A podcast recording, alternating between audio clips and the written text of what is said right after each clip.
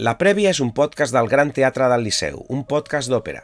Guió de Javier Blánquez, disseny sonor de Javi Álvarez, edició d'àudio d'Irene Novoa i narració de Núria Deulofeu. En aquest capítol parlarem de Parsifal, l'última de les òperes que va escriure Richard Wagner, estrenada a Bayreuth el 1882 i que el mateix compositor va identificar com un festival de consagració escènica. Parsifal és la culminació de totes les característiques centrals de l'estil compositiu i la filosofia de Wagner. És una obra inspirada, com totes les de la seva maduresa, en una llegenda medieval, en aquest cas la de la recerca del Sant Grial, i el tema aborda la possibilitat de la pau i el perdó quan tot sembla perdut. Parsifal explica la història d'un jove ingenu i immaculat que allibera una comunitat de cavallers de la càrrega insuportable de la culpa i el pecat, simbolitzats en l'objecte sagrat del Grial, que ha estat profanat a causa de les seves accions impures. En aquesta obra, Wagner parla principalment de la redempció a partir de diverses fonts, la simbologia cristiana, la filosofia de Schopenhauer i la metafísica oriental, per la que també havia començat a interessar-se en la seva maduresa. Parsifal és una òpera d'una profunditat enorme que ofereix una gran recompensa en arribar al final de la seva extensa durada. D'una banda, és una de les peces més elevades de Wagner, on la tècnica compositiva de la connexió de leitmotivs ofereix un resultat òptim que acaba culminant en uns últims minuts d'implacable grandiositat. Alhora, Parsifal continua estant envoltada d'un gran misteri, ja que els seus missatges més profuns encara no s'han revelat del tot. Per exemple, no queda clar si és una òpera cristiana, tal com va denunciar el filòsof Friedrich Nietzsche a la seva famosa polèmica amb Wagner, o una òpera antisemita, o simplement espiritual en un sentit més obert i proper al budisme. Tampoc no se sap amb certesa si la redempció proposada és a través de la bondat i la puresa, encarnada a Parsifal a través d'una força divina, o per la pròpia majestuositat de la música, que representaria el mateix Wagner com a geni salvador del món a través de l'art total. En qualsevol cas, assistir a una funció de Parsifal sempre és una experiència transcendent i commovedora, que en les properes funcions del Liceu podrem gaudir amb un gran elenc de veus wagnerianes dirigides pel mestre Josep Pons i amb la proposta d'un dels més grans directors d'escena d'aquest segle, l'alemany Klaus Guth.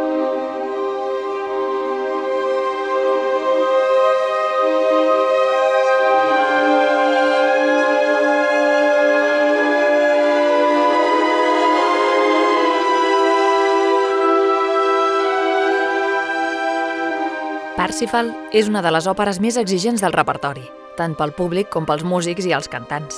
El seu caràcter sacramental, indicat per Wagner ja a la descripció de l'obra com un ritual que preferiblement s'ha de representar durant la Setmana Santa, fa que sigui una peça de molta fundària.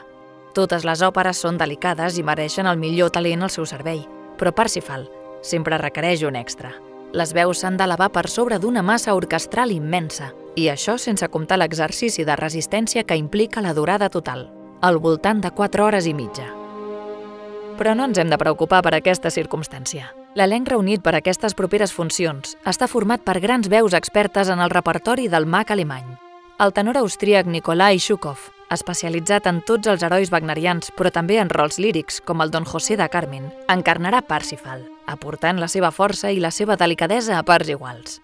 Mentre que el rol de Kundry el cantarà la soprano dramàtica Elena Pankratova, molt adobada en papers que exigeixen volum, energia i decisió. De les veus greus se n'encarregaran el baix René Pape al paper de Gornemans, el baríton Matías Gerne, el d'Enfortes, i el també baríton Evgeni Nikitin, encarnant Klingsor. El rei Titurel el cantarà el baix georgià Pata Burcholatze. A l'escenari tindrem una reposició de la producció de Klaus Guth que ja es va poder veure al Liceu la temporada 2010-2011. Klaus Guth és un director escènic celebrat per les seves interpretacions psicològiques de les grans obres del repertori, i la seva mirada és especialment adequada per a Parsifal. La raó és evident. Aparentment, aquesta és una història d'aventures, inspirada en les velles novel·les de cavalleries, però el seu rerefons és molt més profund, i tots els aspectes clau cal analitzar-los de manera simbòlica. D'aquesta manera, la posada en escena de Gut busca endinsar-se en el significat moral de l'òpera – enfatitzant els conflictes clau, com la necessitat del perdó per progressar, o el dany irreparable a què condueixen les disputes absurdes, i també il·luminant algunes de les seves contradiccions. Un aspecte polèmic de Parsifal té relació amb el tema central, la redempció. Quin és el pecat que cal redimir? I per què? En comptes de portar l'acció a un fosc temps medieval, Gut decideix situar la seva producció a l'Alemanya dels anys d'entreguerres.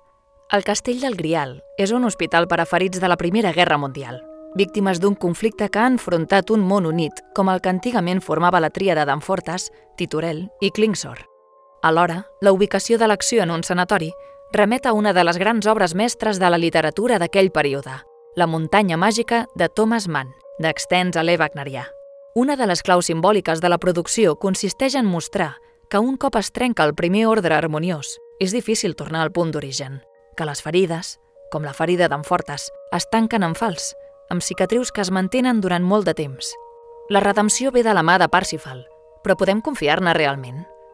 Al final de l'òpera, que va tenir molts punts foscos després de l'estrena de 1882, continua sent ambigu en aquesta producció, que anticipa una nova etapa en què l'harmonia també es pot trencar amb facilitat amb l'arribada d'un fals líder. La riquesa de Parsifal, tant pel que fa a l'aspecte musical com a la densitat del seu missatge, és difícil de resumir en només 20 minuts. Però quedem-nos amb aquesta idea. L'elevació musical de Wagner i l'abundància de claus inserides al llibret afloren d'una manera magnífica en aquesta producció, que si bé s'allunya de la literalitat del text original del llibret, proposa interpretacions intel·ligents per navegar pel significat menys evident de Parsifal, del qual se n'ha debatut durant dècades. Sobre els orígens, els temes i la importància que aquesta òpera ha tingut per al Liceu, el Javier ens aporta ara més informació. La coloratura. La coloratura. Wagner va descobrir la història de Parsifal a la seva primera etapa de maduresa, quan havia començat a reunir els materials que van donar pas a les seves dues grans òperes romàntiques, Tannhäuser i Lohengrin. Aquestes dues obres abordaven històries del passat germànic i, en el cas particular de la segona, del cicle de llegendes del rei Artur. De fet, Lohengrin i Parsifal són dos títols estretament connectats perquè, com es descobreix al final de la primera òpera, Lohengrin es revela com a fill de Parsifal i ja en aquell títol apareixia esbossat el que seria el grandiós leitmotiv del Grial. A la seva correspondència amb diferents amics i admiradors, Wagner va indicar que havia pres la decisió d'escriure una òpera sobre Parsifal l'any 1857, mentre vivia exiliat a Zurich. No obstant això, la composició va haver d'esperar. Primer havia de completar Tristan i Isolda, els mestres cantaires de Nuremberg i el final del cicle de l'anell del Nibelung, i no va ser fins al 1877, amb 65 anys i ja plenament instal·lat a Bayreuth, quan va començar a escriure el primer acte. Va trigar 5 anys a finalitzar Parsifal i va ser la seva darrera obra. En molts aspectes va ser també la culminació del seu estil i el cim del seu pensament.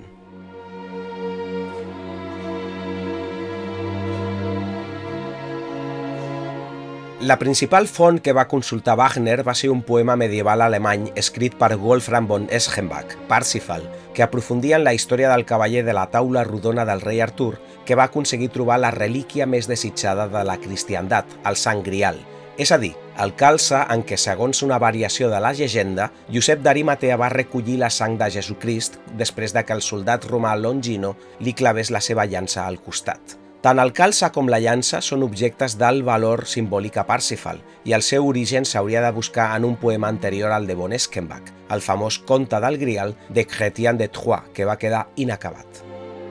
Al conte del Grial ja apareixien, per exemple, alguns aspectes centrals del mite que Wagner reprendria per a la seva òpera. Parsifal o Perceval és un cavaller innocent i lliure de pecat, però incapaç de comprendre la profunditat de la realitat davant dels seus ulls. Quan assisteix a la revelació del Grial en un castell màgic, se n'espera que faci una pregunta que acabi amb el patiment de l'home que conserva el Grial, el rei pescador, a qui Wagner li donarà el nom d'Amfortas. Incapaç de fer la pregunta correcta, Parsifal haurà d'expiar el seu error durant anys.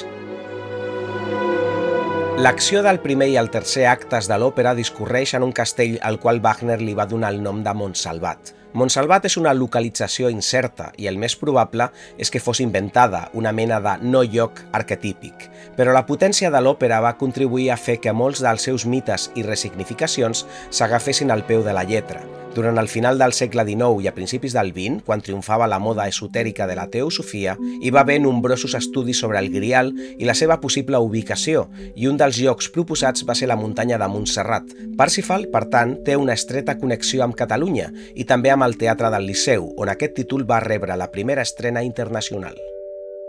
Aquesta història s'ha explicat moltes vegades, però val la pena recordar-la per a qui no la conegui. Wagner va determinar que Parsifal només es podria interpretar a Bayreuth durant 30 anys. L'any 1914, per tant, qualsevol altre teatre del món podria programar l'òpera, i va ser a Barcelona on es va escenificar per primer cop de manera legal. Això cal matisar-lo perquè hi va haver funcions de Parsifal anys abans a Nova York, però van ser representacions pirates, no autoritzades per la família Wagner.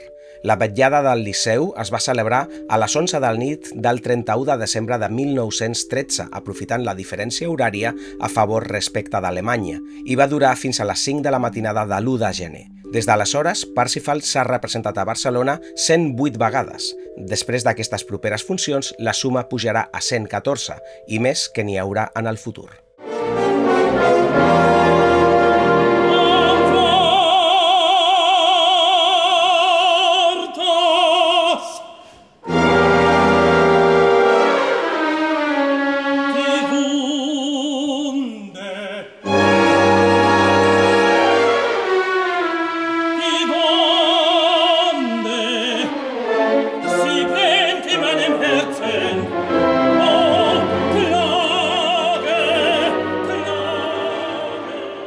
Després d'una obertura solemne on Wagner exposa alguns dels leitmotivs que articularan el desenvolupament musical i la narració del drama. L'acte primer ens mostra l'exterior del castell del Grial, a Montsalvat. S'està fent de dia i el cavaller Gurnemans ordena als seus escuders que despertin per unir-se al prec matinal. Poc després apareixen Fortes, el rei de l'ordre del Grial, un home cansat i malalt que pateix una ferida que no es pot guarir. Per mitigar el dolor, en Fortes necessita prendre diàriament banys reparadors i ser tractat amb ungüents. En aquest moment, arriba Kundri, una dona misteriosa que porta un bàlsam per al rei des de les terres llunyanes d'Aràbia. El bàlsam calmarà el patiment del rei després d'una nit terrible sense dormir, però no aconsegueix el més desitjat, que és tancar i guarir la ferida. Els cavallers pregunten a Gurnemats per l'origen de la ferida i pel misteri d'aquesta dona, Kundri, que apareix i desapareix a voluntat i a poc a poc coneixem el conflicte. Fa molts anys van arribar a Montsalvat dues relíquies sagrades, el calze del Grial i la llança sagrada, dos objectes que la tradició vincula a la mort del Redemptor a la creu. La llança li va provocar una ferida fatal i el Grial va recollir la sang. El pare d'en Fortes, el rei Titurel, va ser elegit com el guardià de les relíquies sota la promesa de que els cavallers es mantinguessin purs i castos un jove cavaller anomenat Klingsor va voler unir-se als cavallers del Grial, però els seus pensaments eren impurs. Per evitar sucumbir a la luxúria, va decidir autocastrar-se, però no li va servir de res, ja que va ser expulsat de l'ordre. Aleshores, Klingsor va aprendre màgia negra i va ordir un pla per aconseguir les relíquies. Va atraure amb fortes al seu castell, va ordenar a Kundri que seduís el rei i, aprofitant el seu pecat, li va robar la llança i el va ferir amb ella. Aquest és l'origen de la ferida i la causa que mai no es guareixi. Gurnemans també explica que una profecia anuncia que un dia arribarà un heroi que recuperarà la llança i la tornarà a situar al costat del grial. Aquest heroi serà algú cast i innocent. En aquest moment, arriba al castell un jove ingenu que escandalitza els cavallers en matar un signe amb una fletxa. Nosaltres sabem que és Parsifal, però ell no sap com es diu ni d'on ve. Gurnemans té una intuïció ell sap que no és possible arribar al castell del Grial a voluntat, que és el Grial qui atrau qui vol, i creu que aquest jove podria ser l'escollit. Així que decideix mostrar-li el Grial a l'interior del castell. A la segona escena, després d'un interludi orquestral en què la realitat es transforma, assistim al ritu del Grial, una mena de missa amb un poder pervers, ja que el calze és una font d'energia però també de dolor. El seu poder màgic consisteix en mantenir els cavallers alimentats i a Titurel, el pare d'en Fortes, en vida. Però cada cop que en Fortes mostra el grial, la seva ferida s'obre i el fa sagnar i recargolar-se de dolor. El jove ingenu observa el ritu amb sorpresa. Quan Gurnemats li pregunta si comprèn el que ha vist, Parsifal resta en silenci. Decebut, Gurnemats l'expulsa del castell.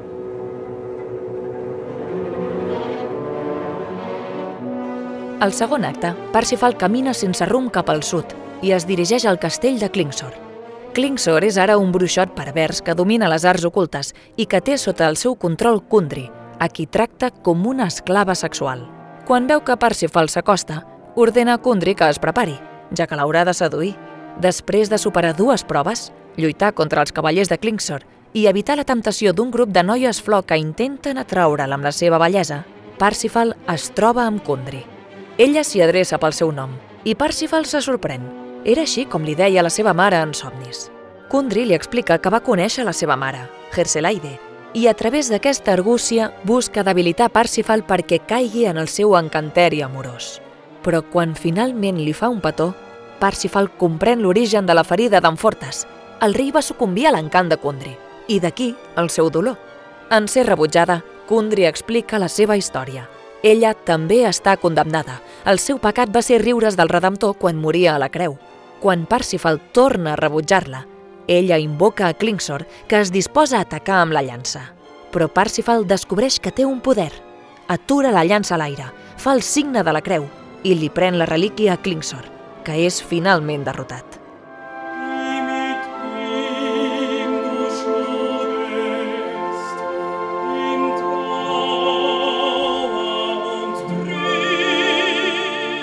Al tercer acte tornem a Montsalvat. Han passat els anys i és un castell en ruïnes. Kundry s'ha refugiat en una cabana als afores i Gurnemans la troba. Poc després apareix Parsifal amb la llança. El jove explica que ha buscat el camí del castell sense sort, que ha lluitat amb tota mena de cavallers però que mai no ha utilitzat la llança. Segueix sent una relíquia immaculada. Gurnemats li explica que les coses han canviat. Incapaç de suportar el dolor de la ferida, Fortes s'ha negat a practicar el ritual de bificació del grial i el seu pare Titorel ha mort. Aquest dia, però, és divendres sant i el ritu es pot tornar a oficiar. Quan Fortes porta el grial, Parsifal l'ajuda. Quan el grial i la llança estan junts, fan augmentar el seu poder i Parsifal pot guarir finalment la ferida Fortes en tocar-la amb la punta de la llança. Aquesta acció també allibera Kundry de la seva maledicció. Parsifal torna a consagrar el Grial i en endavant serà el seu nou guardià.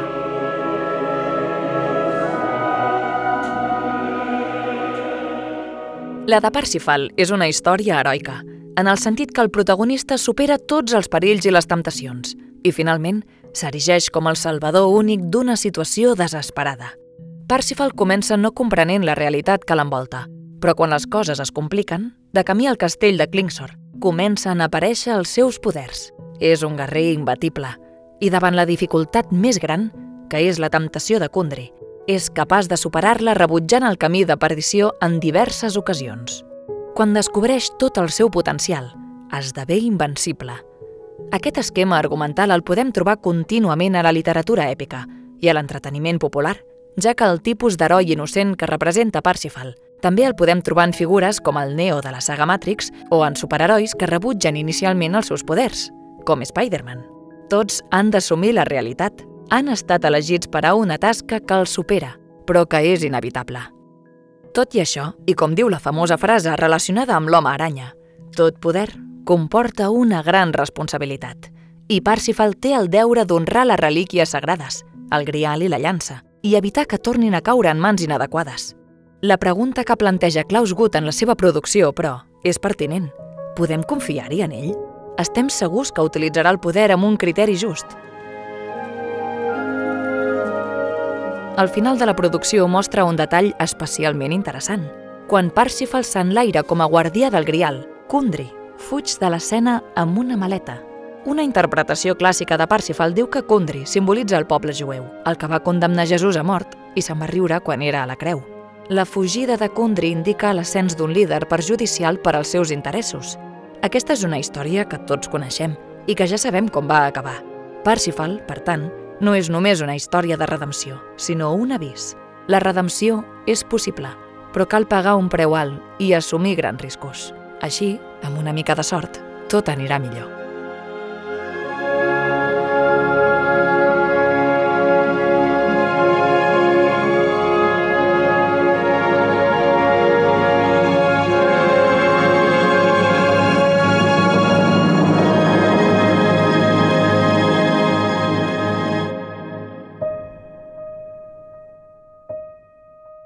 I fins aquí la prèvia de Parsifal, un podcast que busca complementar i enriquir les òperes del Liceu, produït per la Màquina de Luz i amb la participació del Gran Teatre del Liceu.